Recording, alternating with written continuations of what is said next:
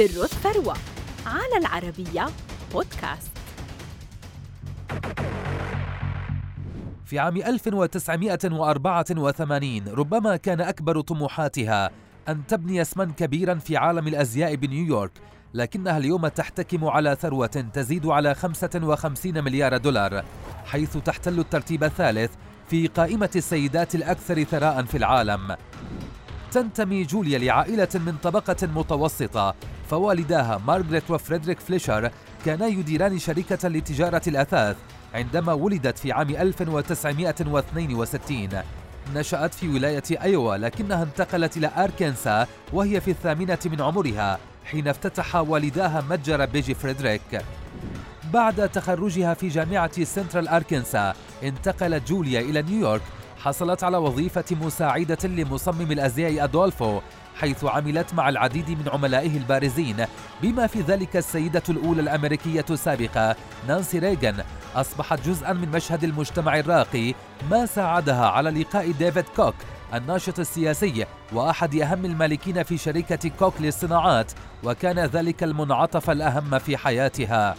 لاحقا قدمت جوليا نفسها للمجتمع كزوجة للملياردير ديفيد كوك أسهم الدور الذي لعبه ديفيد في المشهد السياسي كممول الحزب المحافظ وتقديمه للأعمال الخيرية في جعلها لاعبة أساسية في المشهد الاجتماعي في نيويورك. وبعد أن كانت تعمل في مجال الأزياء أصبحت ناشطة في الأعمال الخيرية ثم ترأست مؤسسة ديفيد H كوك التي قدمت منحا تزيد على 200 مليون دولار للبحوث الطبية والعلوم والتعليم والفنون والسياسة العامة. كما قدمت هي وزوجها تبرعات ضخمة لمؤسسات معروفة مثل مركز لينكولن ومتحف متروبوليتان للفنون. توفي ديفيد كوك في أغسطس 2019 عن عمر يناهز 73 عاما بعد صراع طويل مع مرض السرطان امتد لمدة 27 عاما وترك ثروة تقدر بنحو 42 مليار دولار حينما صنف في الترتيب الحادي عشر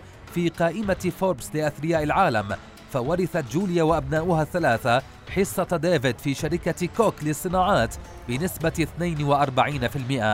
42% أصبحت جوليا شريكة في شركة كوك للصناعات Koch Industries وهي إحدى كبرى الشركات المقيدة في الولايات المتحدة من حيث الإيرادات وهي شركة تعمل في مجال تكرير النفط وخطوط الأنابيب وتجارة السلع وتربية المواشي ولب الورق وتبلغ إيراداتها السنوية نحو 125 مليار دولار. ورث ديفيد حصته في الشركة من والده فريدريك الذي أسسها عام 1940 عن طريق تطوير طريقة مبتكرة لتكرير النفط. وكانت الشركة قد بدأت كشركة تكرير نفط باسم Wood River Oil and Refining Company ثم أصبحت تمتلك العديد من الشركات التابعة لها في القطاعات المختلفة. تبلغ ثروة جوليا اليوم 53 مليارا و400 مليون دولار وتحتل المركز الثالث في ترتيب قائمة السيدات الأكثر ثراء في العالم بعد فرانسواز بيتنكور مايرز